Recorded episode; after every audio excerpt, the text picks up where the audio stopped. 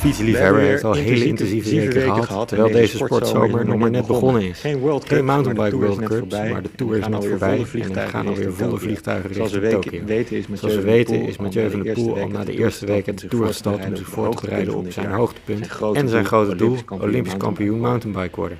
Maken Nederlanders is het niet iets enige kans in deze bergsport? Zoals is het niet iets voor mensen uit landen die niet zo plat zijn als Nederland, zoals Zwitserland en Frankrijk? Nou, mountainbike is olympisch sinds 1996 en zoals de meesten van jullie weten werd toen een gigantenkweker uit Halen in Midden-Limburg de eerste olympisch kampioen ooit in Atlanta.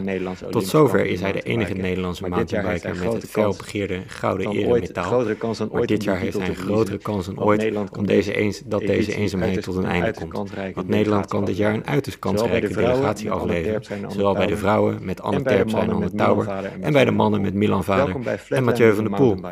Welkom bij Flatlanders van Mountainbikes, de Nederlandse podcast over mountainbiken. Mijn naam is Paul Wicht en tegenover mij is mountainbiker Jeroen van In deze aflevering gaan we voorbeschouwen. en zoals jullie gewend zijn, kijken we ook weer naar de techniek van het mountainbiken. We gaan nu wat dieper in op de vering, sack, rebound Het mag allemaal geen geheimen meer hebben. na deze vijfde aflevering van Flatlanders van Mountainbikes. Je hebt een mooie race in Spaarnwoude gehad. Hoe uh, vergelijk je jezelf met uh, de, de, Olympische delegatie? Ja, in uh, Spaarnwoude hadden, ging ik de rechtstreekse battle aan met Milan Vader. Dat is wel tof. en Jens Schuurmans, die was er ook. Die rijdt voor, voor België mee. Voor België, ja. De Olympische Spelen. Ja, wel tof. Ik heb nog steeds superveel UCI-punten vanuit vorig jaar, vanuit de Wereldbekers, Eliminator, het NK, waar ik vorig jaar tweede werd. Ja, en dan staan er uh, 60 man worden er opgestart. En dan mag Milan eerst, Jens Schuurmans. En dan uh, nou, komen er denk ik nog twee. En toen mocht ik al oprijden. Dus ik stond gewoon uh, op, volgens mij ja, op de eerste rij naast Milan, Jens. Super gaaf natuurlijk. Mooi, alleen dat al was een mooie ervaring. Maar goed, dat is ook het enige moment dat ik ze gezien heb. Althans, Milan dan. Want die reed met de start al zo ontiegelijk hard. Iedereen zat al op het tandvlees. En binnen een halve ronde heb ik hem niet meer gezien. Ja. Dus dat was, uh, was wel indrukwekkend, ja. Dat was uh, tof, wel een toffe race om, uh, om te doen. Ja, en ja, mooi om te trainen, maar er liggen waarschijnlijk geen stenen meer in de straat na het bezoekje van Milan. ja, ja, precies. Ja, in ieder geval die, al dat greffel dat zat bij ons achter de, achter de zonnebril. Ja. die reed echt nee, ontiegelijk hard. Um, ja, uiteindelijk kreeg ik 4,5 minuut aan mijn broek van Milan. hij won met overmacht die wedstrijd. Zelf uh, finishte ik als dertiende met uh, ja, binnen een seconde op de top 11. Dus op zich uh, bijna, bijna top 10 kunnen rijden. Ja, en hoe vond je het parcours? Had het wel een beetje aangepast uh, vergeleken met twee jaar geleden? Ja, ik moet zeggen dat er heel veel... Ik herkende toch nog wel heel veel. Ja. Vorig jaar in 2020 ging uiteindelijk uh, Spaanwouden nog wel door aan het einde van het jaar. Ja. Um, toen heb ik ook gereden. Werd ik vierde. Wat ik wel bijzonder vond om te zien, ik heb mijn waardes van toen vergeleken met nu. En het, parcours was redelijk hetzelfde. Ik denk dat 90% overeenkwam. Ja. Uh, en qua, qua waardes reed ik vorig jaar dezelfde waardes als nu. Alleen toen werd ik er vierde mee en nu dertiende. Ja, dus het zegt ook wel dat het niveau in de, in de, in de top best, best een stukje verbreed is. Ja, verbreed ook, ja. Ja, en, ja, ik eh, bedoel, kijk, ik doe niet onder aan mijn eigen prestaties. Uh, maar ja, er zitten gewoon jongens voor me die harder rijden. Ja, uh, denk je dat het ook uh, te maken heeft met, met corona? Vorig jaar waren natuurlijk sowieso weinig wedstrijden. En zagen in het weg, wegwielrennen ook wel dat nou, sommigen kwamen er heel goed uit. En anderen ja, hadden toch moeite om, om goed getraind te blijven in die tijd. Ja, ik denk dat de combinatie is. misschien, ik, ik heb me altijd in corona kunnen blijven motiveren. Dus ja. ja. dat zie je nu ook. Mijn niveau toen was net zo goed als dat die nu is. En nu rijden we een volledig seizoen. Uh, misschien dat dat bij andere atleten net iets anders lag. Maar ik denk dat de voornaamste reden is, is dat nu corona een soort van, laten we even zeggen, en hopen dat het een beetje voorbij is. En dat alle atleten weer inspringen op alle wedstrijden die er maar zijn. Uh, en daardoor is de, de aanwas aan atleten op zo'n wedstrijd als Spaanwouden gewoon heel hoog. Ik bedoel, ja. meer dan 60 rijders. Ik geloof zes of zes, in, zes nationaliteiten. Dus ja, er zijn ook gewoon oh, weer meer, meer atleten die, uh, ja, die weer aan het koersen zijn. En dat is alleen maar goed. Cool. Ja, en je komt net uit Frankrijk. Ja, ja ik, uh, Spaanwouden was twee weken terug. Uh, ja. Frankrijk was afgelopen weekend. Daar had ik de derde ronde van de Wereldbeker e-mountainbike. Ja, ja Spaarnwoude was, was een, gewoon Olympische cross-country. En, en in Frankrijk had je e-mountainbike. Waar was het in Frankrijk? Ja. Circuit de Charade, dat is een autocircuit, ligt een beetje in de heuvels. Heel tof. Is maar ik denk heel uniek dat, je, dat, dat dat circuit gebruikt wordt voor een mountainbike wedstrijd. Um, dus ik kon het natuurlijk ook niet laten om daar even een, uh, een rondje met de, met de fiets overheen te maken. Ja. Uh, en qua lo locatie, het ligt, ongeveer, het ligt op tien uur rijden vanuit, vanuit Nijmegen. Mm, eigenlijk strak onder Parijs en ter hoogte van Lille. Ja. Beetje in die, uh, in die hoek. Ja, het was in de Auvergne, zag ik in, in zo'n bij ja. Clermont-Ferrand in de buurt, toch? Ja, ja, ja, zeker. Wij, daar, daar zaten we ook met ons appartementje. Ja, ja, heel dun, uh, dun bevolkt gebied Frankrijk, maar volgens mij wel cool om te fietsen. En zeker ook om te mountainbiken. Ja, ze hebben daar in de hele omgeving allemaal van die vulkanische soort van pukkels steken uit het landschap. Ja. die zijn alweer begroeid met, uh, met bomen en gras en van alles en nog wat. Maar we hadden helaas best... Ja. maar we hadden helaas best slecht weer. Dus ik heb, niet, uh, ik heb daar niet heel veel van kunnen zien. Pas toen wij maandagochtend weer naar huis reden, toen zag ik, keek ik eens om me heen, was het heldere hemel en uh, toen ja. potverdomme, toch wel mooi. Terwijl ik het eh, de dagen daarvoor een beetje vervloekte, want ik denk, ja, heb ik nou helemaal hierheen gereden voor, uh, voor mist, regen en nou ja. Ja, nou ja, de vorige keer zei je dat je het wel leuk vond, toch? Een race in de modder. Ja, zeker, dat, dat sowieso hoor. Ik heb geen, geen moeite met race in de modder. Um, Maar pas op... ja, dat was, dat was pittig. Um, de eerste twee wedstrijden Monaco en Bologna waren echt twee wedstrijden met heel veel lange klimmen. Echt gewoon drie, vier minuten aan één stuk. En mhm. dit was veel meer uh, interactief, beetje zoals Spaanwouden ook is. Ja. Dan wel iets extremer natuurlijk. Uh, veel op, af, uh, draaien, keren vanuit stilstand. Heel veel off-camber. echt bosgebied, dus deze keer geen stenen, maar wat meer ja, echt grond, aarde, wortels, dat soort zaken. Ja. Dus dat was uh, in die zin wel ja, een keer in mijn voordeel. Ik ben natuurlijk best ja. een zware Ja, jij bent een vrij grote mountainbiker. Ja, en als je die vijf minuten lang een berg omhoog moet laten rijden, dan gaat dat toch iets minder snel dan uh, de lichte mannetjes waar ik veelal tegen moet battelen. Ja. Dus dit korte, kortere werk, dat lag me, lag me eigenlijk wel. Uh, ja, en dat zag je ook terug. Ik werd in de da eerste dag zesde en op de Nee, andersom. Op de eerste dag zevende en op dag uh, twee zesde. Ja, eh, cool. we komen steeds dichter bij de top vijf, wat uiteindelijk ook echt mijn, ja, mijn ja. drijfveer en mijn doel is. Podium. Ja, inderdaad. de mountainbiken om een of andere Duitse redenen de top vijf is en niet de top drie. Ik weet niet, weet je het verhaal daarachter? Ja, ik weet dat ze in de, wereld, in de wereldbekers is het inderdaad top 5. Ja. In de meeste andere wedstrijden is het uh, top 3. Toch wel top 3 Ja, maar het heeft volgens mij in de wereldbekers mee te maken dat... Kijk, de mountainbike sport was tot een paar jaar geleden misschien niet super groot en bekend. Wordt nu wel steeds meer. Maar ja, als je vijf man op een podium hebt, dan heb je ook vijf keer dat er een uh, ander truitje gezien kan worden. Dus dat is voor sponsoren vanuit de teams gezien ja. ook weer interessant. Dus het heeft vooral een commerciële drive. Ja, dat het, uh, ja het, is niet, het is niet bij alle mountainbike wedstrijden, maar vooral voor de wereldbeker. Ja, en bij ons in de sprint is het wel tof dat je top 5 hebt, want de eerste vier is natuurlijk grote finale. En als je dan de kleine finale wint, waarin je 5 tot en met 8 rijdt, dan uh, heb je als nummer, als, als, winnaar van de kleine finale ook nog een beetje een uh, podium om op te ja, staan. De best of the rest uh, ben je dan. Zoals sprint van, ja. is de eliminator. ja, in de eliminator. Ja. ja. Cool. Nou, weer een hoop geleerd over jezelf en de fiets. Waarschijnlijk. Ja. Dus dat ja, absoluut. wat dat betreft grappig dat je op een, uh, op een autocircuit zit. Want uh, de e-mountainbike is waarschijnlijk nog meer dan de normale cross-country. Een samenwerking tussen, tussen de rijder en het materiaal. En dus dan ben je, ja, zeker. Ja. Ja, ja, ja. iedere wedstrijd weer uh, verzamelen we zoveel data waar we dan weer onze software op aanpassen, onze hardware ja. op veranderen. Het begint uh, letterlijk steeds meer op Formule 1 te lijken. En nou, ik vind dat wel mooi. Die techniek ja. en dat, dat technische en dat fysieke wat je moet combineren. Ja, cool. Goed, we gaan naar uh, het hoofdgerecht van dit jaar. De, wat eigenlijk vorig jaar zou zijn, de Olympische Spelen in, in Tokio het is wel een gekke tijd, hè? De, ik weet niet hoe jij het hebt ervaren, maar met uh, die, uh, ja, op een gegeven moment wel eens vanuit Japan het idee om het, de Olympische Spelen maar helemaal niet door te laten gaan vanwege corona. Ik geloof dat Toyota zich gisteren nog heeft teruggetrokken als, als sponsor. wat denk jij? Oh, de, oh, ik wist niet dat Toyota zich had... Weet je ook waarom? Is dat, ja, ik denk, denk dat ze zich niet willen associëren. Hm. Ja, of, als stel, stel het wordt één grote corona-ellende, dan ja, en er staat overal Toyota dat ze daar misschien geen zin in hebben. Maar ik weet ook niet. Ja. Dat, uh, hm. Ja, maar denk jij, zal het doorgaan? Ja, zeker. Ja. ja. de belangen zijn nu te groot. Alle atleten zijn al daar. Uh, ik ken natuurlijk een hoop mensen, in ieder geval een hoop. Ik ken een aantal mensen die daar zijn. Dus je krijgt dan ook wel via social media wat meer wat door.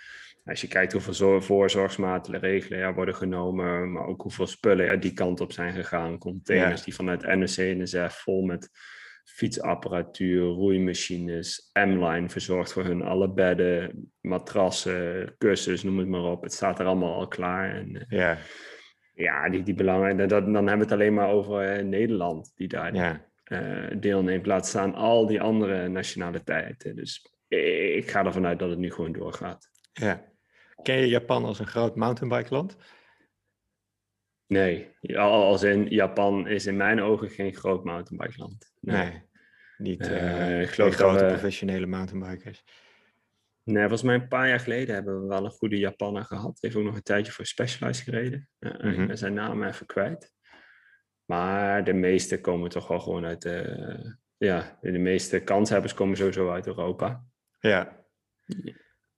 Ja, waarschijnlijk onterecht, want uh, ik heb een beetje uh, op YouTube zitten kijken van uh, mountainbike in Japan. En nou, volgens mij kan je daar, kan je daar flink wel naar je zin hebben. Het is natuurlijk bergachtig land, vulkanisch, mooie bossen, maar ook hoge bergen. Dus wie weet ah, zo, deze... vanuit de natuur. Ja, ja, ja, ik, denk, ja, ik denk dat je daar inderdaad, ehm, dat dat super mooi is. Ik denk dat ja. in Japan nog wel een on ontdekt stukje mountainbike paradijs is. Ja, ja want ik weet in skiën is het, uh, is het ook een aantal jaar geleden ineens heel erg hip geworden om uh, in Japan te gaan skiën. Het ligt ook een beetje aan de sneeuwkwaliteit die daar heel goed is.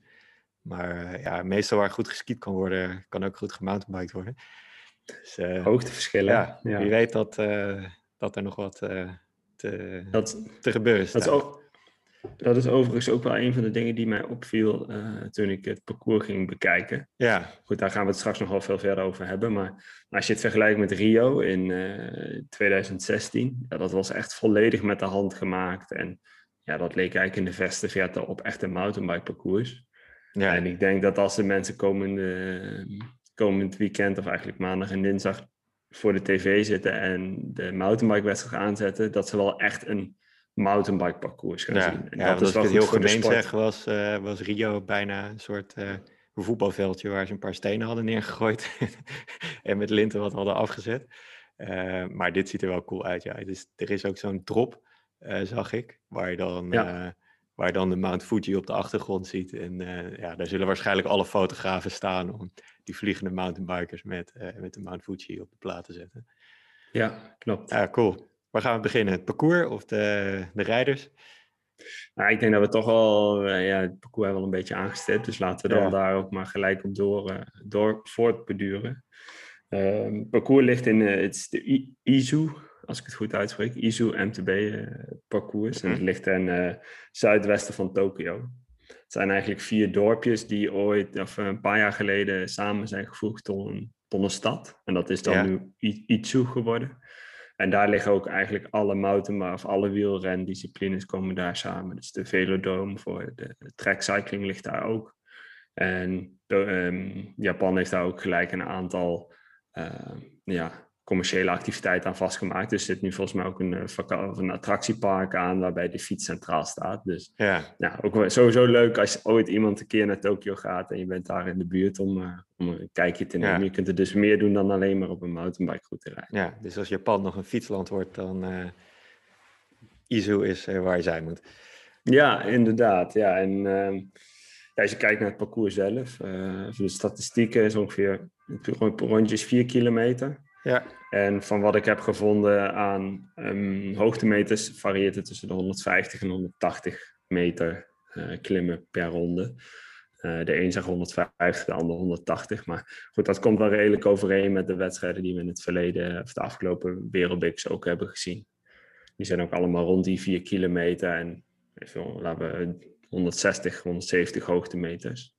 Ja. Ehm, maar goed, dat varieert. Dat kan natuurlijk in één of in twee lange klimmen liggen. In Tokio zijn het allemaal kortere klimmen van pak een beet 40 seconden tot een minuut. Daar hadden we het natuurlijk met Milan Vader uh, laatst ook al over. Daarom reed hij ook in Spaanwouden, omdat die klimmetjes enigszins lijken. Weliswaar wat korter, maar um, qua stijlte klopt dat wel redelijk. Ja. En ja, het is best een natuurlijk parcours waar we het hiervoor al even over hadden. Uh, er zit echt wel een stuk bosgebied in, waar gewoon natuurlijke obstakels in, in zitten, als boomwortels, uh, switchback, bochtjes die tussen de bomen door uh, gecreëerd zijn. En daarnaast hebben ze ook een aantal grote, grote keien neergelegd. Ja, Ik noem ze, binnen de ploeg noem ik ze de panda-keien. Echt van die enorme, reusachtige, ronde ja, keien die overal her en der op het parcours liggen. Ja, want als je denkt aan, aan de rock gardens die uh, je misschien uit een bikepark of andere wereldbekerparcours kent, dit is wel even van een andere orde dan, uh, ja, zeker, zeker. sowieso qua grootte. Ja. En dan moeten mensen echt denken gewoon aan... Ja, er liggen gewoon keien van een, een meter breed met bij 60 centimeter hoog. En dan die drop zijn er geloof ik zelfs twee op elkaar. Dus ja, dan spring je gewoon een gat in van een meter. Ja, Dat, is wel, dat, ja, dat is wel gaaf. Het, het voordeel van deze keien zijn wel dat ze zijn allemaal rond, dus afgevlakt. Uh, en dat, dat maakt het wel... In, het heeft twee kanten enerzijds is het prettig, want de kans op lekrijden is wat minder groot. Ja, ja. Uh, heel vaak in het buitenland heb je van die hele scherpe, afgeslepen stenen. Um, ja, dan is de kans op lekrijden best groot. Nadeel van die vlakke kei is als het dus gaat regenen, worden ze spekglad. Ja. En dat zijn wel dingen waar je rekening mee moet houden. Ja, ja, die kant is er wel, geloof ik. Want het, eh, het ziet er allemaal erg groen uit daar. Dus. ja, het is daar erg groen. En uh, ik geloof vorige maand is, heeft daar, is daar echt onwijs veel regen gevallen. Ja. Een soort van, uh, ja, ik ben niet zo heel goed met het weer, maar wat is dat dan? Een soort van zo'n zo'n zo stormbui. Een tropisch bui. ja, en daar, daar zijn ook echt wel wat mensen om het leven gekomen daar. Vanwege die, die, echt die extreme weers ja, weersinvloeden. Ja. Dus laten we hopen dat dat nu achter ons ligt. Want eh, ja, anders dan spoelt dat hele parcours Ja. ja, ik heb op YouTube een filmpje gezien van een paar Spanjaarden die het reden. Maar nou, ik had wel een beetje bezweten, bezweten handen. En dat, dat zelfs hier vanuit mijn comfortabele leunstoel. het, ja, het zijn flinke, flinke rock gardens inderdaad. Maar inderdaad 4 kilometer, 180 hoogtemeters. Dus dat is ja, 150, 180. Dus dat is ietsje minder dan, eh, dan Leogang. En veel, ja. uh, veel korte, uh, korte klimmen dus. dus ja, korte, dat, en wel stijl. Echt wel, wel stijl. Stijle klimmen, ja. ja. Dus het is niet per se dat de kleine mountainbikers hier heel erg in het voordeel zijn. Nee, nee het is, en dat maakt het op zich wel interessant. ja. Kijk, omdat ze niet zo lang zijn, heb je ook weer wat als, als. Kijk, als zware rijder ben je vaak ietsje explosiever. En dan heb je het over explosiviteit. Dat kan 10 seconden zijn, maar dat kun je ook nog wel oprekken tot een minuut. Ja. Um, nou ja, die klimmen zijn niet heel veel langer dan een minuut. Dus je kunt met je explosiviteit als, als zwaardere rijder nog best wel uit de voeten hier. Ja. Um, maar als, licht, als lichte rijder heb je natuurlijk die explosiviteit. Je moet wel mee met die jongens, maar omdat je het gewicht voordeel hebt, um, heb je sowieso op de klim altijd wel ietsje, heb je het altijd ietsje makkelijker. Maar het betekent niet dat, dat, zij, ja, dat, dat je als zwaarder hier uh, ja, sowieso in je nadeel bent. Dus op zich is dat wel gunstig. Ja. Maakt het speelveld iets eerlijker voor, uh, voor ja, diverse atleten. Dus, je noemde net al even Spaarwouden. Als je met een World Cup uh, parcours vergelijkt, is het meer een soort uh, Novi Mesto dan, dan bijvoorbeeld een Leogang. Ja, klopt. Ja, ja. ja en je zei het, is, het is behoorlijk technisch, dus je moet ook goed kunnen fietsen, zeker door al die, die drops. Is het ook een smal parcours? Zijn er plekken waar je kan inhalen? Is de... Nou, ik, vond, ik, heb de, ik, heb zelf, ik heb zelf ook inderdaad even de point of view video gekeken op YouTube. Ja. Over, het hele, over, de hele, over het hele parcours. Ah, ik vind het best wel smal. Het is echt soms ja, dan zetten ze wel tape uit van drie meter breed, maar uiteindelijk is er eigenlijk maar één plek wat echt een smooth en goed lopende lijn is. Ja, dan, dan, dan gaat iedereen daar natuurlijk rijden. Wil je dan inhalen, dan moet je alsnog over het bumpy gedeelte. Ja. Kan wel. Ehm, maar het is redelijk uh, smal. Maar goed, je moet daar ook wel de kanttekening bij maken. In de wereldbeker starten er 150 man. Hier op de Olympische Spelen zijn het slechts 38 atleten die aan de start staan. Ja. Dus ja, je hebt ook veel minder mensen op het parcours. Dat, ja, dat scheelt natuurlijk ook wel. Maar ja. het, uh, het, zal een gevecht voor de plekken worden. Dat, uh... Ja, je moet wel uh, op basis van zo'n parcours. het begint breed, dan heb je eerst de klim. Daarna wordt het vrij snel al smal.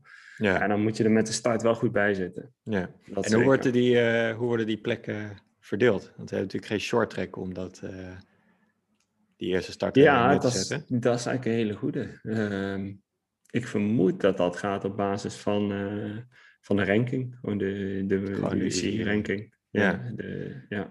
ja, dat is in alle internationale wedstrijden. Dus ik vermoed dat dat hier ook weer zo zijn.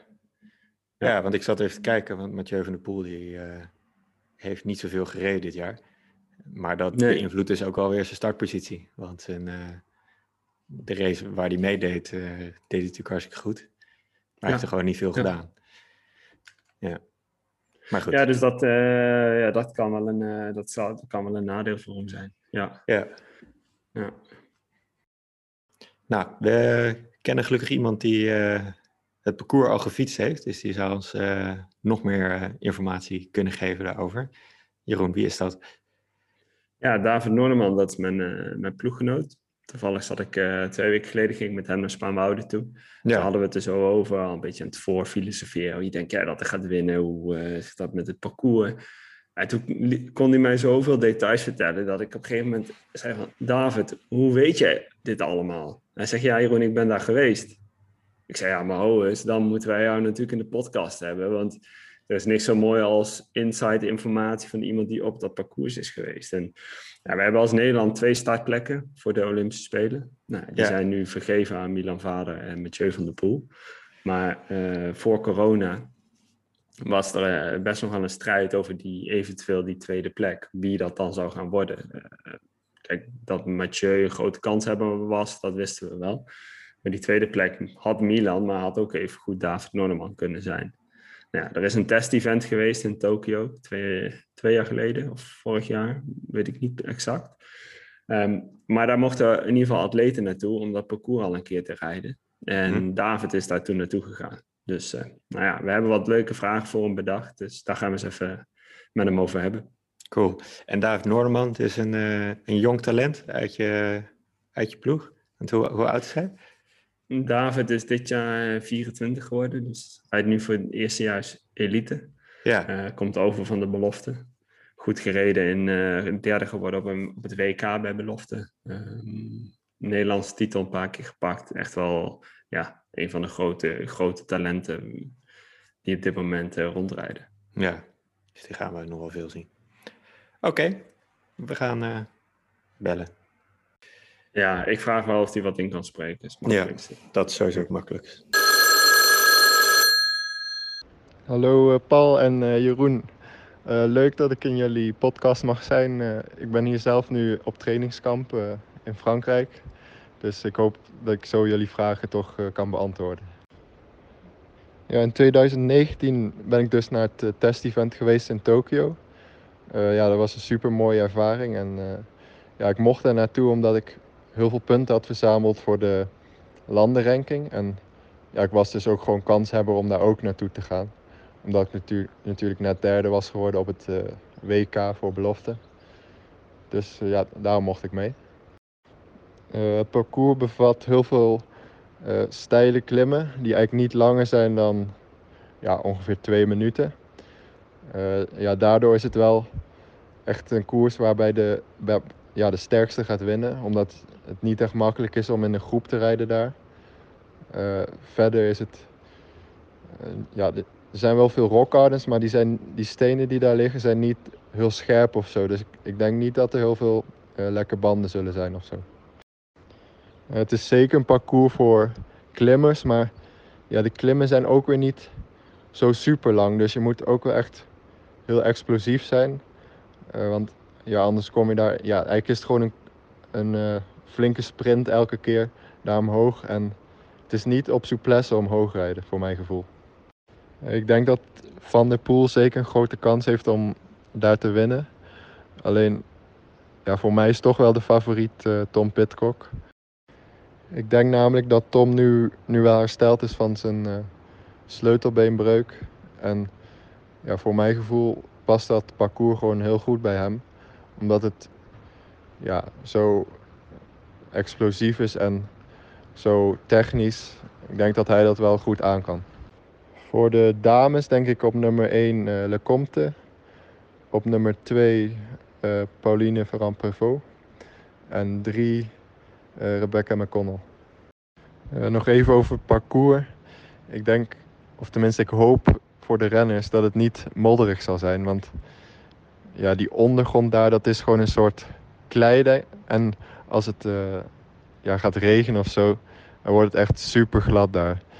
En daarnaast zijn er ook nog heel veel off-camber stukken in het parcours. En als het dan uh, ja, glad is, dan, dan verwacht ik dat het daar ja, eigenlijk gewoon lopen wordt. Dus uh, ja, dat wil ik nog even zeggen over het parcours. Nou, ik hoop dat ik jullie hiermee voldoende heb geïnformeerd. En ja, succes verder nog met de podcast en wellicht tot de volgende keer. Nou, super mooi dat David ons even vanuit Valtran heeft uh, laten zien hoe het parcours er echt uitziet. Uh, nou ben ik ook wel benieuwd naar jou, Jeroen. Hoe denk jij dat het podium eruit gaat zien? Ja, ja, we zullen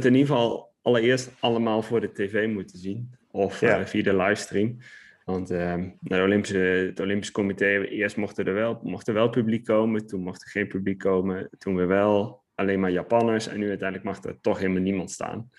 Dus ehm, ja, dat is eigenlijk wel jammer, want het bouwde zich een beetje op. De eerste wereldbeker ah, dit jaar mocht nog niemand komen. Toen mocht er weer publiek komen in Frankrijk.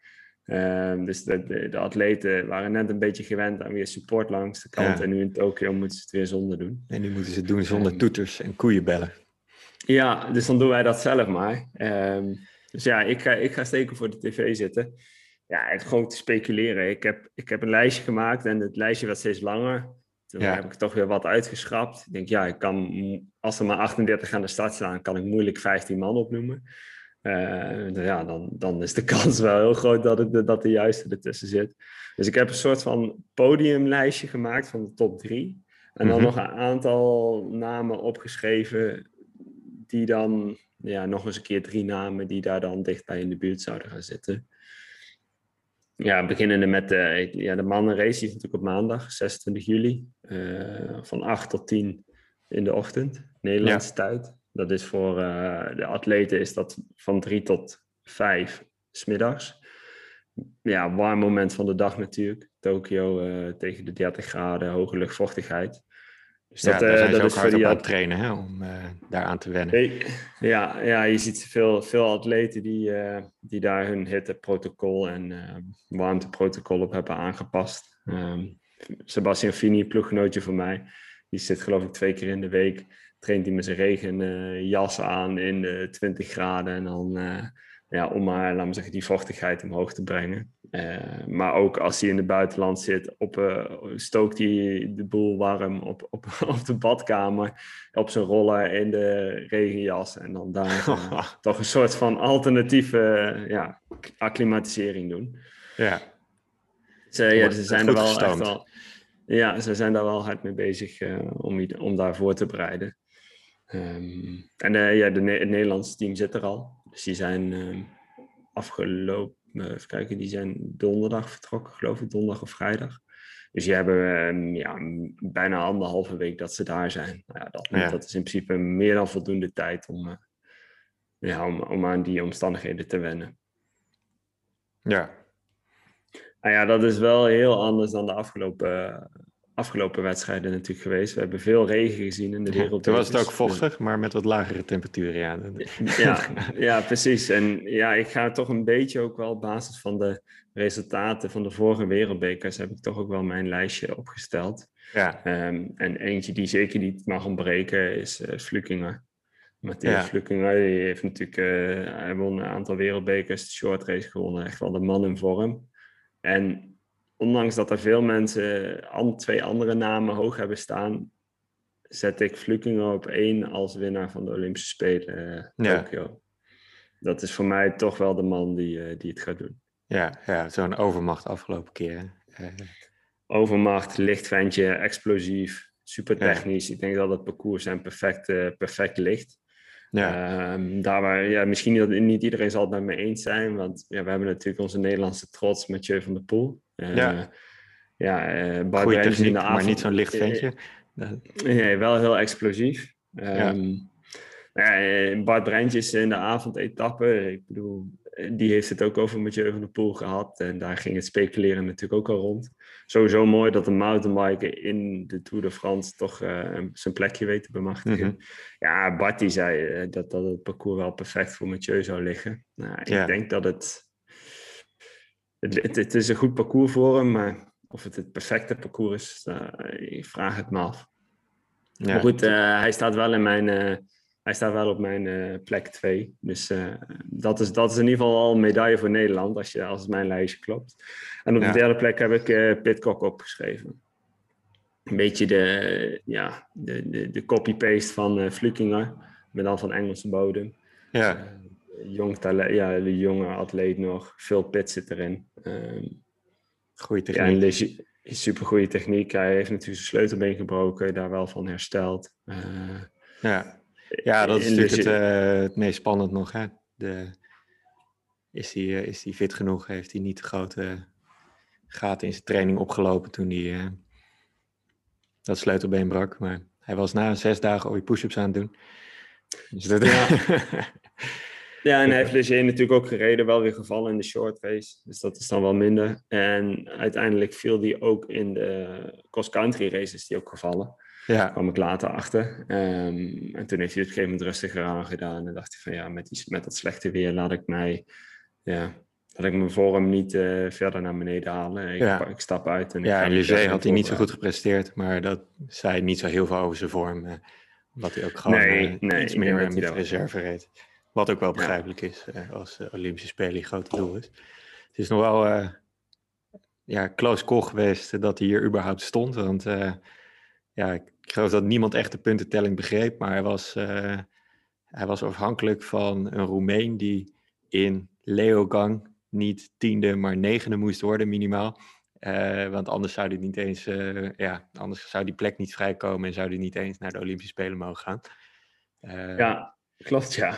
Ja, ja, bizar. Ja. Dus die, die zal hij wel een bloemetje gestuurd mogen hebben.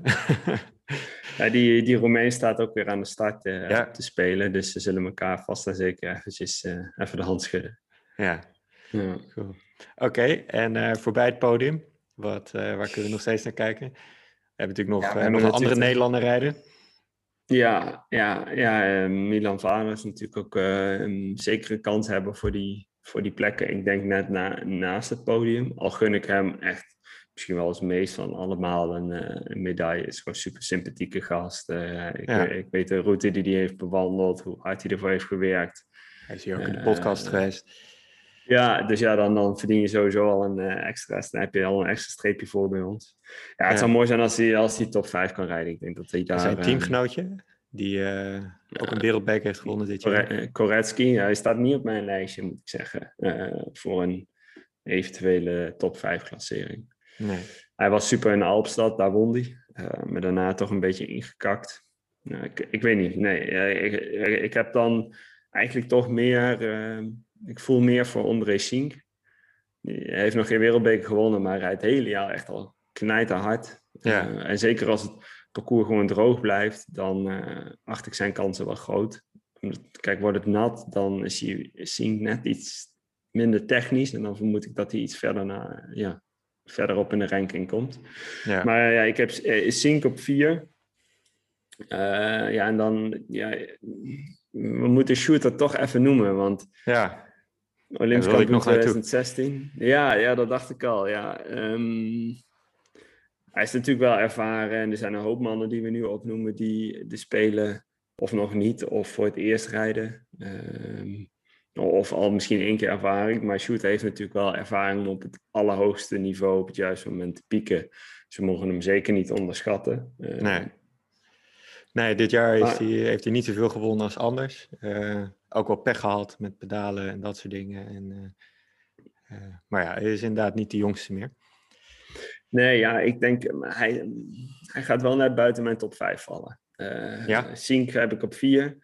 Ja, ik wil Anton Cooper. Rijdt ook echt dit jaar erg goed. Um, Avancini. We hebben hem dit jaar eigenlijk weinig gezien. Was niet goed genoeg in vorm. Is in Brazilië gebleven om zich voor te bereiden. Maar ja, hij zal wel als een duivel uit een, uit een doosje kunnen komen. Um, Qua explosiviteit... Uh weet ja. een wand, hè? Ja, ja ik ga toch uh, ik ga Cooper op 5 zetten. En daarmee heb ik in ieder geval mijn, uh, mijn, mijn, lijstje compleet. Het uh, World Tour podium. Ja, nou als ja. het net over een uittredend Olympisch kampioen, ja, dat weten we nog niet hebben, dan is dat een mooi bruggetje naar de, naar de vrouwen. Jolanda Neff, die begon dit jaar wat moeilijker, maar die wordt steeds een beetje beter. Ja, die op je lijstje staan. Ja, ja, die staat zeker op mijn lijstje. De enige kanttekening die ik bij Neff heb, is dat ze natuurlijk de middenhandsbeentje heeft gebroken. Ja. En dat heeft er denk ik toch wel eh, een beetje een terugslag gegeven in zowel haar fysieke vorm. Maar dat doet mentaal natuurlijk ook iets. Je wil in de, in de maand, anderhalve maand voor, het, voor de Olympische Spelen, wil je voelen dat alles klopt. Ja, en als je hand dan niet klopt, dan gaat dat denk ik toch een beetje meespelen. Technisch zou het wel een perfecte parcours zijn voor de. Uh, technisch, explosief, ze is licht, het klint gaat omhoog. Dus ik heb er wel, um, ze staat wel op mijn lijst, maar wel op nummer 5. Ja, oké. Okay. Zullen we deze dan andersom bouwen? En dan uh, ja. gaan we, ga ik, ja, plek 4. Het zijn twee een beetje outsiders die zich wel hebben laten zien. Uh, vooral Leger nog. Uh, we, we, hebben het vorige keer natuurlijk over Eve Richards gehad.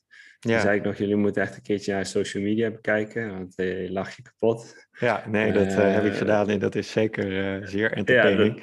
Ja, ja, precies. Er zit veel amusement. Ja. Um, ze, het gevoel voor humor en zelfspot. Ja, en, ja. ja, zelfspot. Helemaal door het dolle dat ze naar de Spelen mag.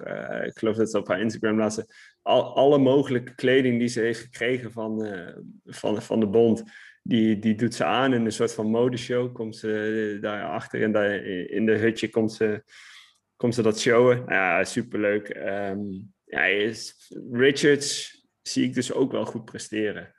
Uh, zit volgens mij op een roze wolk, technisch goed, uh, explosief. Ja. Um, maar goed, er zeker lol Dat, uh... Ja, absoluut. ja, ik denk dat dat heel belangrijk is, zeker op zo'n grote wedstrijd. Ja. Ehm, je moet niet overroeld worden ehm, of overspoeld worden door de spanning en de grootte van de wedstrijd. Uiteindelijk moet je anderhalf uur lekker fietsen. En uh, dat kan nog wel eens, zou wel eens haar voordeel kunnen zijn. Ehm, ja. Maar McConnell is, wel, is ook erg sterk. En dan categoriseer ik een beetje in, de, in dezelfde lijn als Richard. Van ja, uh, weet je, outsider. Heeft wel laten zien echt goed te zijn. Uh, ja. Veel ervaring. In tegenstelling tot Richards dan. Um, maar omdat ik, ja, Evie dan toch wel, ja, die gun ik dan toch die vierde plek. Dus dan valt ja. McConnell valt dan toch wel af, ja. Goed. Dan gaan we naar het echte podium, waar de, het eremetaal wordt verdeeld.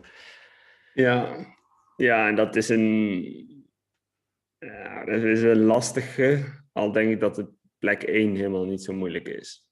Nee. Uh, ik denk dat de eerste plaats ja, dat kan er maar eentje zijn. Um, maar die ga ik wel, ja, die ga ik ook gewoon al wel verklappen. Want ik denk dat de strijd om plek 2 en 3 de meest interessante is. Ja. Kijk, als alles goed gaat, gaat Lecomte uh, Olympisch kampioen worden. Ja. Die heeft alle grote internationale wedstrijden dit jaar gewonnen. Uh, ja. Ze is super eh, technisch. niet een beetje gewonnen, maar ook met, uh, met afstand. Vaak een halve ronde voorsprong.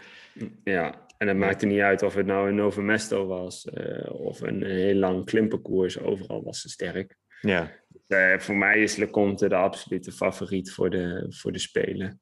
Maar op de plek 2 kan het wel heel, heel spannend worden. Uh, en dat is denk ik een strijd die gaat plaatsvinden tussen Pauline Provo en Jenny Riesvets. En dat is wel een, een battle waar ik wel naar uitkijk. Ries Vets natuurlijk de Olympisch kampioen 2016 even ertussenuit geweest. Daar hebben we het in de vorige podcast ook even over gehad. Um, men rijdt dit jaar echt al wel weer berensterk. Ja, en Provo, eh, Frankrijk, daar zit iets, een soort van nationale trots. En als het dan moet gebeuren, dan hebben die gasten altijd net iets extra's. Ja. Um, plus Provo stelde heel de wereldbeker in Leger in het teken ter voorbereiding op de Spelen. Uh, Super veel ervaring. weet denk ik ook op welk moment ze goed moet zijn. Haar man heeft ja, dus wel wat Olympische ervaring uh, om erbij te helpen. ja, ja, de kennis zit dichtbij. Ja. Um, en coach trouwens. Ja, dus, dus ik ga dan... Dat is uh, Julian ja. Absalon. Ja, ja, voor de mensen die dat inderdaad niet weten, die zijn samen. Die zijn, uh, zijn een setje. Ja. Ja, een mooie, mooie combi, denk ik. Ja, en dan ga ik toch op basis van de ervaring ga ik Provo op twee zetten en Riesvets op, uh, op drie. En daarmee heb ik mijn, mijn speculatieve lijstje compleet. Ja. Zijn daar nog um, namen bij, of die jij ontbreekt, die, die bij jou ontbreken, zowel de man of de vrouwenwedstrijd? Ja, eigenlijk alleen de vrouwen. Ja, ik, uh, Amerika is, uh, staat altijd bekend als uh, een land dat erg veel medailles naar binnen sleept. zij hebben bij de vrouwen Kate Courtney uitgezonden. maar heeft dit jaar nog niet zo goed gereden als eigenlijk voor de coronacrisis deed. dus ja, ik begrijp wel dat ze buiten het podium uh, valt, maar je moet uh, de Amerikanen natuurlijk ook nooit onderschatten. Ja, en ze hebben natuurlijk nog iemand, Helen Betty. Dus, Helen Batten, ja. Ja, ja. Die, die, heeft al wel een short track gewonnen. Ja. dus ja, en is, als ik op Instagram zie je ook veel in Europa om, om te trainen op hoge bergen. dus ja, die zouden natuurlijk altijd nog tussendoor kunnen vallen. Ja, verder bij de mannen. Ja, ja, ja. nog heel even bij de vrouwen. We hebben natuurlijk wel twee hele sterke dames. Uh, Anne Tauber, Cecile Leger ja. en dan Terpstra. Um, ja, ze hebben in ieder geval uh, de goede naam. Het lijkt dat als je Anne heet, dan kom je bij Nederland in de Olympische wielerselectie. Ze hebben ook nog Anne van der Breggen en Annemiek van Vleuten ja. en Marianne ja, Vossen. ja. ja. En dan is Anne en ja, die, die Anne en Anne zeker Anne, Anne, kijk, Anne Tauber heeft ook wel, wel laten zien in Leger dat ze er wel klaar voor is. Ja. Um, met Terpstra uh, heb ik het in de resultaten niet direct, nog niet direct teruggezien. Nee, um, je was het begin dus van het jaar beter dan, uh, dan in Leger weer. Ja, ja, begin van het jaar was ze echt, echt heel sterk. Ja. Uh, dus ik denk niet dat zij in mijn vaste top 5 komen. Nee. Maar ik zou het ze van harte gunnen als, uh, als ze toch een van die plekjes wegsnoepen. Ja. ja. Ze gaan wel, ik denk dat ze wel staat nog uh, zesde op de UCI-ranking. Dus dat... Uh... Ja, en uit mijn hoofd heeft Terpstra de, het test-event in Tokio gewonnen. Oh ja? Ja. Of was in ieder geval, of reed in ieder geval heel kort op het podium. in ieder geval podium, dat weet ik zeker. Dus dat, geeft, dat is altijd lekker. Als je, als je, als je die, dat parcours al een keer gereden hebt, weten dat je daar dan ook podium rijdt, dat doet wel iets met je. Uh, dus ja, die, ze gaan zeker top 10 rijden, absoluut. Ja. Nou, Laten we eens hopen uh, op een uitschieten naar de top 5. Zoals wij het verwachten zitten er vier Nederlanders in, uh, in de top 10. ja. Misschien zelfs ja, één of twee met, met eremetaal.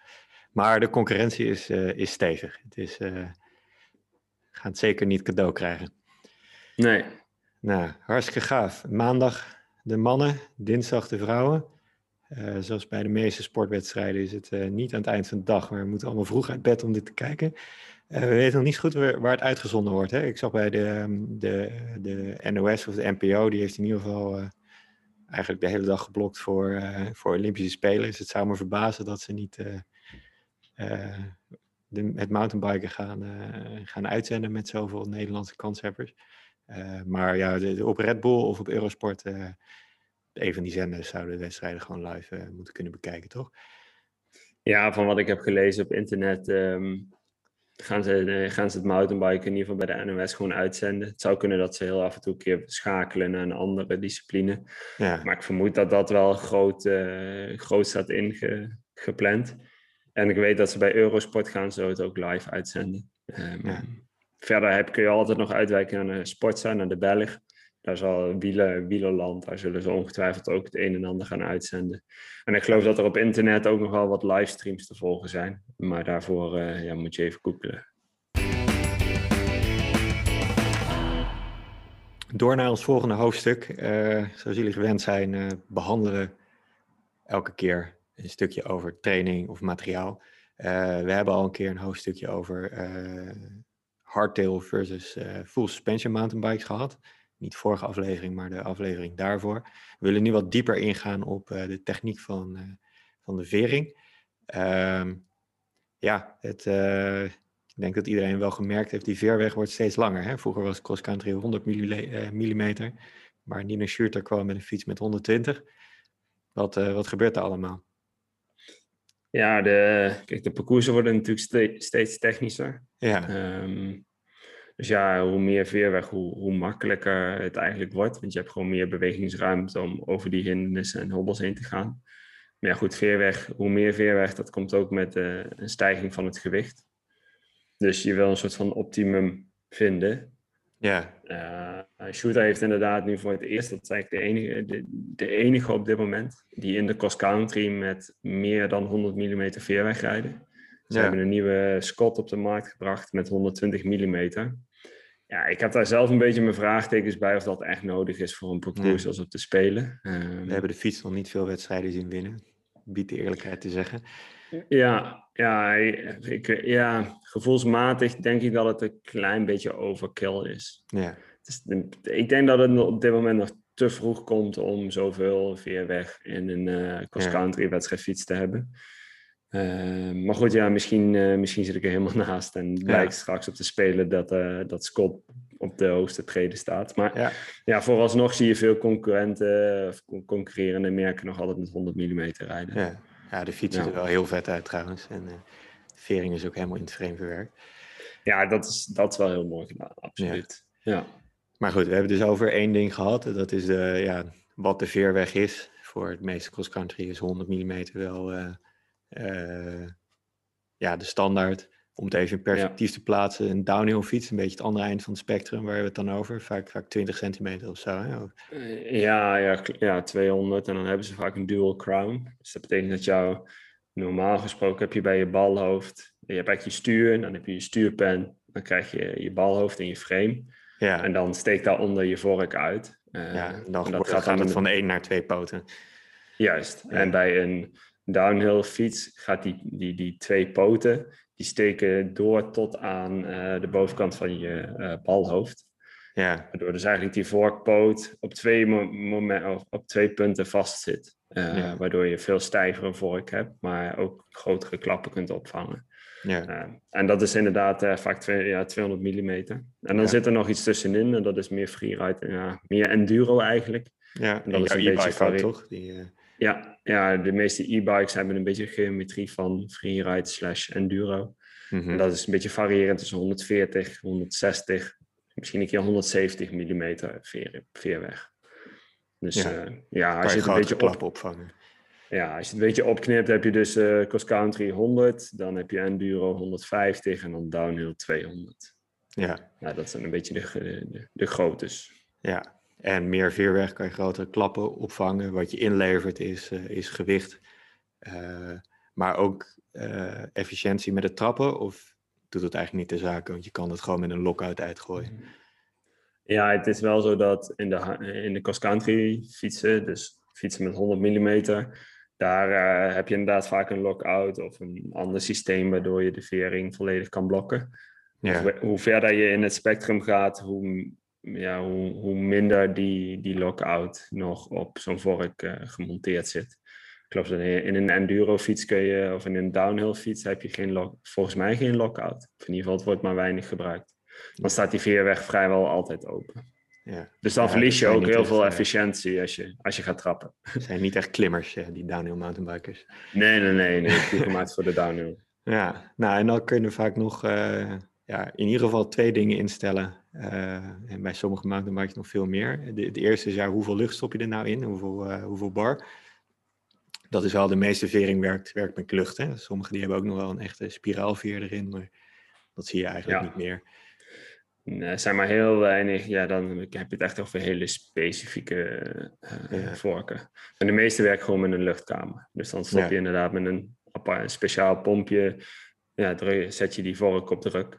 En met die luchtdruk uh, functioneert ja, de is speciaal, vooral speciaal omdat je ja, de, de orde van, van bars die in een vork gaan is, is vaak 10 tot 20, 30 bar of zoiets. Stel. Ja. En, ja. ja, en je banden Nou, daar we het vorige keer over gehad, meer 1, 2, soms iets daarboven. Precies. Oké, en, en hoe stel dat, hoe bepaal je hoeveel lucht erin moet? Ja, dat doe je eigenlijk op basis, op basis van de SAC. Ja, dat is eigenlijk de, de, ja, een beetje de, de, de vrije ruimte die je in je veerweg hebt op het moment dat je op de fiets gaat zitten. Dus als jij alle, het systeem helemaal open hebt staan en je gaat op je fiets zitten, stel je hebt alleen een voor, voorvering, dan mhm. veert jouw vork een klein beetje in. Stel dat je ook een achtervering hebt, dan veert die achtervering ook wat in. Ehm, en de sec is eigenlijk de hoeveelheid ruimte die je dampers inveren op het moment dat je op de fiets gaat zitten.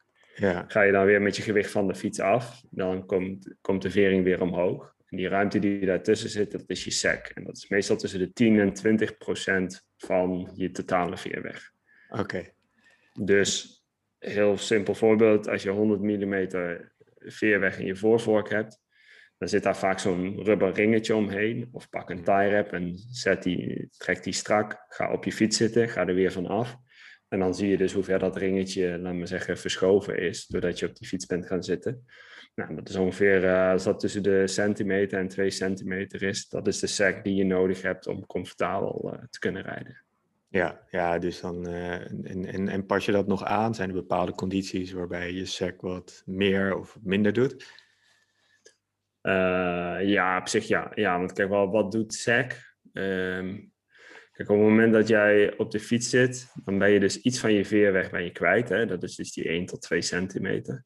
Ja. Maar op het moment dat jouw gewicht omhoog gaat, stel dat je uh, vanwege een, nou, een, jump is niet helemaal een goed, goed voorbeeld, maar door een obstakel de, de, druk niet naar beneden, maar omhoog gaat, dan wil je niet dat je al op je uiterste stand van je vering zit. Dan wil je dus eigenlijk dat die vering een beetje dat hoogteverschil op, oppakt. En dat is die 1 tot 2 centimeter sec, die je daarvoor kan gebruiken.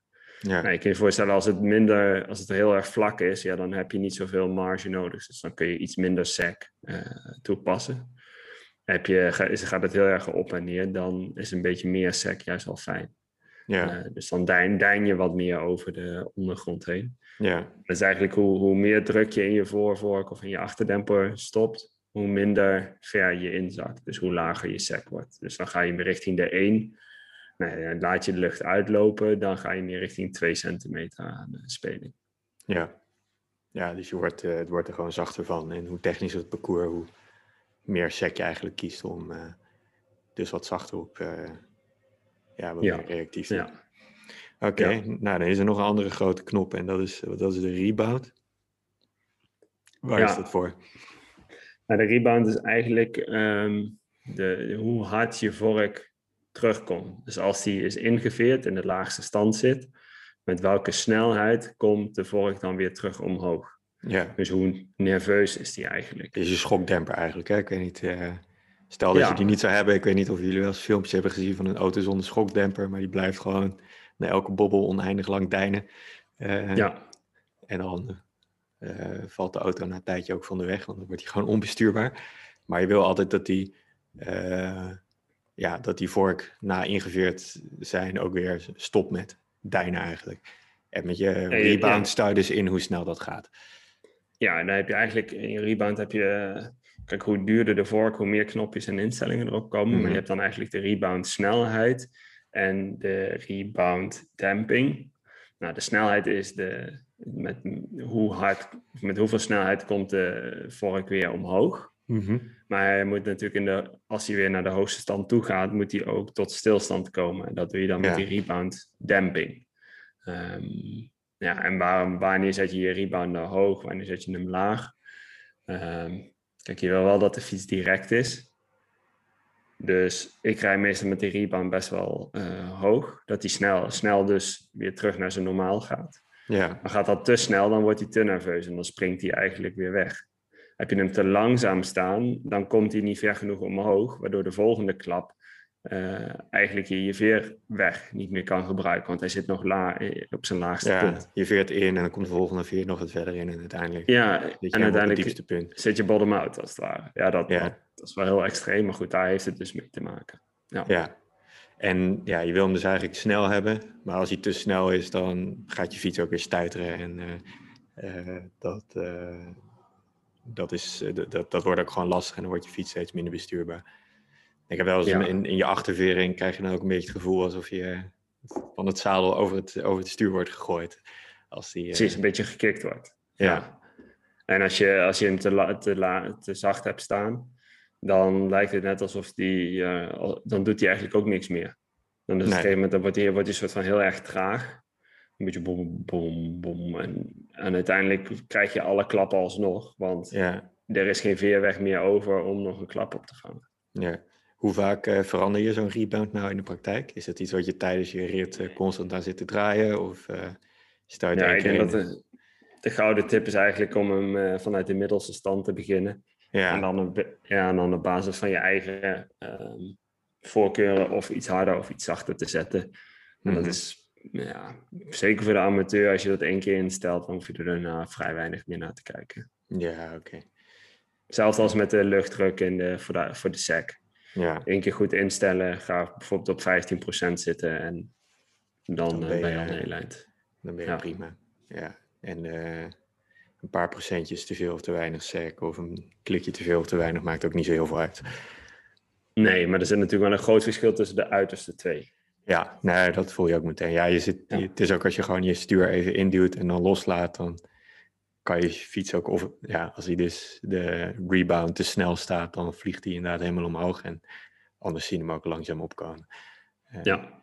Zo, uh, ja, er is, er is nog wel één, er is nog één ander ding. We hebben nu, nu natuurlijk gehad over hoe de vork weer uit zijn laagste stand naar boven komt. Ja. En we, hebben ook nog, we kunnen ook nog instellen hoe die reageert op de klap van boven, dus het inveren. We hebben het zojuist in de rebound hebben we het eigenlijk over ah, de uitveren gehad.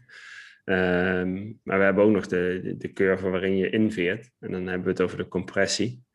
En daar heb je een low en een, en een high compressie in. Er zijn mhm. veel vorken waar, laat me zeggen, de gemiddelde vork kun je dit niet instellen.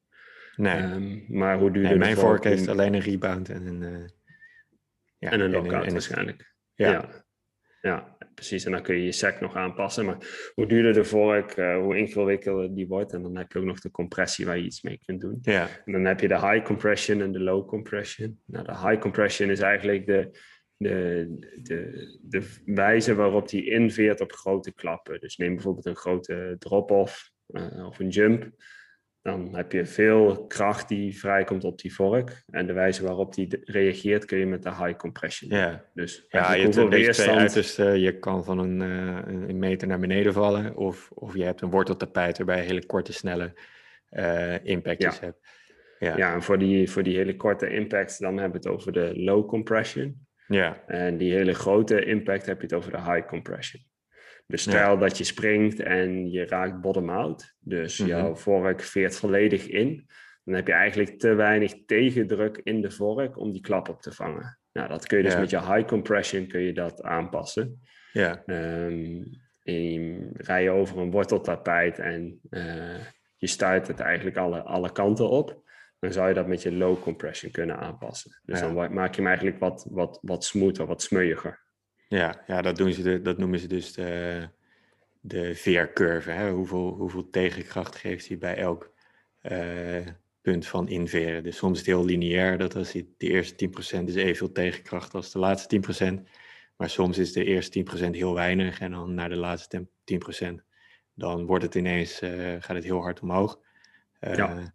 En zo, zo kan je daarmee spelen. Een andere manier is, is met met tokens of volume spacers eigenlijk. Hè? Dus dan moet je je vork openhalen en dan verklein je eigenlijk de hoeveelheid lucht die in die kamer kan. En daarmee uh, uh, kan je ook dat, die, die progressie uh, beïnvloeden. Ik ja, zou eerlijk zeggen ja. dat voor mij is dit allemaal boekjeswijsheid. Want in de praktijk heb ik ook nog nooit iets mee gedaan. En, en ik heb er helemaal niet dat soort knoppen op mijn vork zitten. ja, ik weet dat dat bij ons... Um Ja, wij gebruiken voornamelijk inderdaad, uh, ik gebruik zelf vooral de SAC. De, of in ieder geval eigenlijk de lockout, daar begint het mee. Hè? Dan zet je je voor ja. nog uit. Daar hebben we het ook al een keer over gehad. Uh, de SAC, dan heb je je rebound. En dan op mijn e-bike, want op mijn cross-country heb ik ook niet. Maar op mijn e-bike heb ik dan nog een low en een high compression. En die is daar wel erg van belang, want het gewicht van die fiets is gewoon veel meer dan op een normale uh, enduro-fiets. Gaat toch 5, 5, 6 kilo meer. Ja. Dus ja, dan wil je die, vooral die impact van grote jumps, die wil je wel met je high compression goed, goed hebben. Um, en, daar, en daar gebruiken we ook nog wel wat uh, tokens in om die curve wat progressiever te krijgen.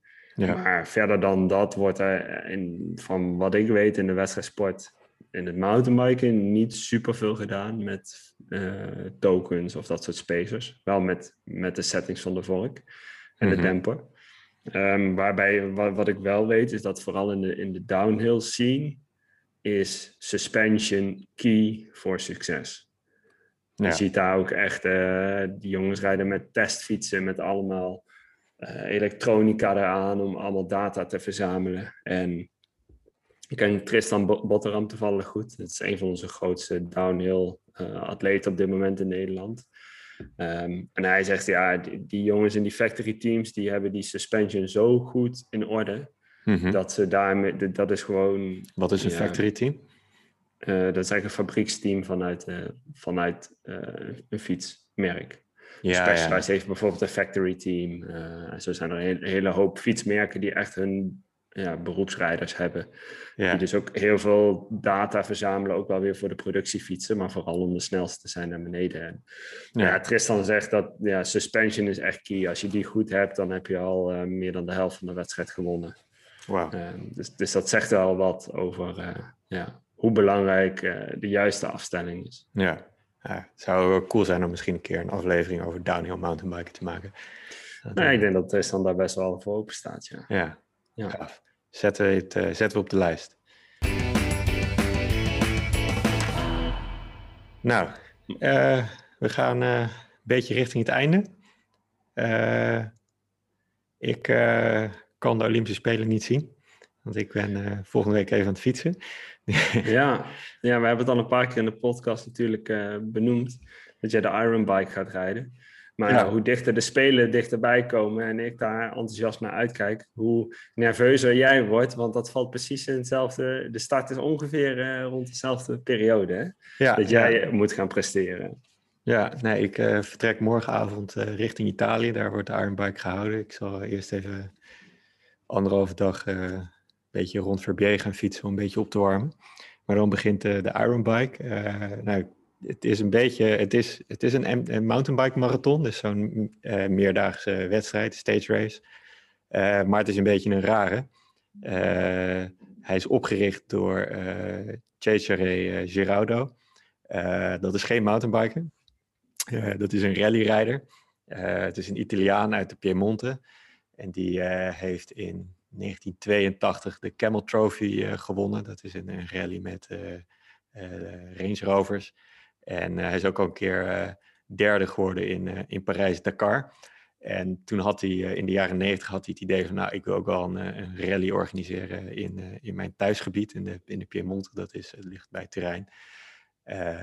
in de Italiaan, ja, zuidelijke Italiaanse Alpen. alleen ja, een rally in Europa organiseren, dat is gewoon te weinig ruimte en daar mag je echt niet met auto's crossen. En toen dacht hij, nou, laten we het dan maar met, met mountainbikes doen. Dus het is een, uh, een mountainbike-wedstrijd in de geest van het rallyrijden. Uh, hij, is, uh, hij is best zwaar. er zitten bijna 30.000 hoogtemeters in. In totaal is die 800 kilometer. dus ja, dat is ongeveer 100 kilometer per dag. een beetje om in perspectief te plaatsen. De hele Tour de France heeft meestal zo'n 40.000 hoogtemeters. En dat verdeeld over, over drie weken. ja, en verder... dit zijn er 35.000 over zeven dagen. Ja, voor acht dagen. Dus 30.000 over, uh, over acht dagen. Dus uh, ja, het is uh, maar wel ja, wat minder niet. Over, ja, en niet ja. over mooi ge, geplavuisde asfaltwegen. Nee, ik hoor wel, ja, ik hoor verhalen. Iedereen zegt het is, je moet even wat anders, de, anders op instellen. Het is niet een wedstrijd zoals de meesten gewend zijn, waarbij je gewoon zoveel mogelijk fietst. Er moeten hele stukken gelopen worden ook. En het is ook meer een avontuur. Ja, ja, het is echt over wandelpaden. Ja, ja. En uh, ja, dus ze proberen ook een beetje dat rally-element erin te krijgen door met het idee dat je de hele dag ook niet weet waar je aan toe bent. Dus je krijgt wel een briefing de avond van tevoren van dit wordt de route. En dan blijkt het de volgende dag ook gewoon compleet anders te zijn. Uh, niemand weet ook hoe je de wedstrijd moet winnen, want er zit een soort puntensysteem in, wat ook uit het rallyrijden komt. Waarbij uh, ja, het is niet de, de hele etappes worden niet getyped, maar er zitten steeds weer losse stukken in. En ja, er zijn ook weer dingen waar je punten kan verdienen en dingen waar je strafpunten over krijgt iedereen zegt dat ze er geen hout van begrijpen. Dus het is, uh, ja, het is wel een avontuur. Ik heb er wel zin in. Ik weet gewoon niet goed wat ik kan verwachten. Dus ik, ja, ik ga gewoon starten en ik zie, zie hoe ver ik kom. ik heb tijd genoeg gehad om, om te trainen. straks even nog mijn laatste training doen met een paar rondjes, paar wouden. Ik heb mijn fiets flink verbouwd. het was oorspronkelijk een, een, lichte cross-country fiets, maar heb er enorme remmen opgezet, uh, uh, stuur verbreed, hele lompe banden erop gezet, want het, het schijnt wel wat te verduren te krijgen. En dan nou, kan ik je hopelijk over twee weken vertellen hoe het was. Ja, ja het, het, klinkt als een fantastisch avontuur. Ja. En, nou, ik, ja, nee, dat is wel mooi. Ik, ik rijd natuurlijk al jaren op, op wedstrijdniveau. En mijn pa die is ook nog super fanatiek en uh, die, die heeft ook al wel heel veel toffe tochtjes gemaakt. En nou, hij heeft altijd, hij heeft heel lang heeft hij gehad dat hij dan die marathons of die stage races die hij deed dan ook echt als wedstrijd zag. En ik heb hem al die jaren gezegd, maat, eh, geniet nou eens van die wet, van, dat evenement. Kijk eens een keer om je heen. Het, het gaat er voor jou niet meer om of je nou vijfde wordt of tiende of dertigste. Je moet, mooie herinneringen maken. En als ik dit zo hoor, dan moet ik daar een beetje aan terugdenken. Ja, tuurlijk, het is een soort van wedstrijd. Maar laat het ook vooral een fantastisch avontuur zijn wat je op gaat schrijven en uh, nou, mee gaat nemen als, je, als, we, als ik je over twee weken weer spreek. Ja. En dat we het dus niet alleen maar hebben over, ja, ik was in die sectie zo, uh, zo snel en ik uh, heb daar geprobeerd nog punten te sprokkelen. En ik wil vooral die stoere verhalen horen. Dus ja. Uh, nou ja, ik kijk er naar uit. Heel veel, heel veel succes in ieder geval. Ja, ja, en dan zijn we over twee weken ook weer bij jullie terug met de nabeschouwing van de Olympische Spelen. en, we gaan allemaal kijken. Ja, behalve ik. Ik ga terugkijken. En dan ja, hopen we dat we weer een mooie sportzomer tegemoet gaan. Ja, ja, nogmaals voor de mensen, maandag 26 juli van 8 tot 10 s ochtends uh, de mannenwedstrijd en dinsdag van 8 tot 10 uur s ochtends de vrouwenwedstrijd.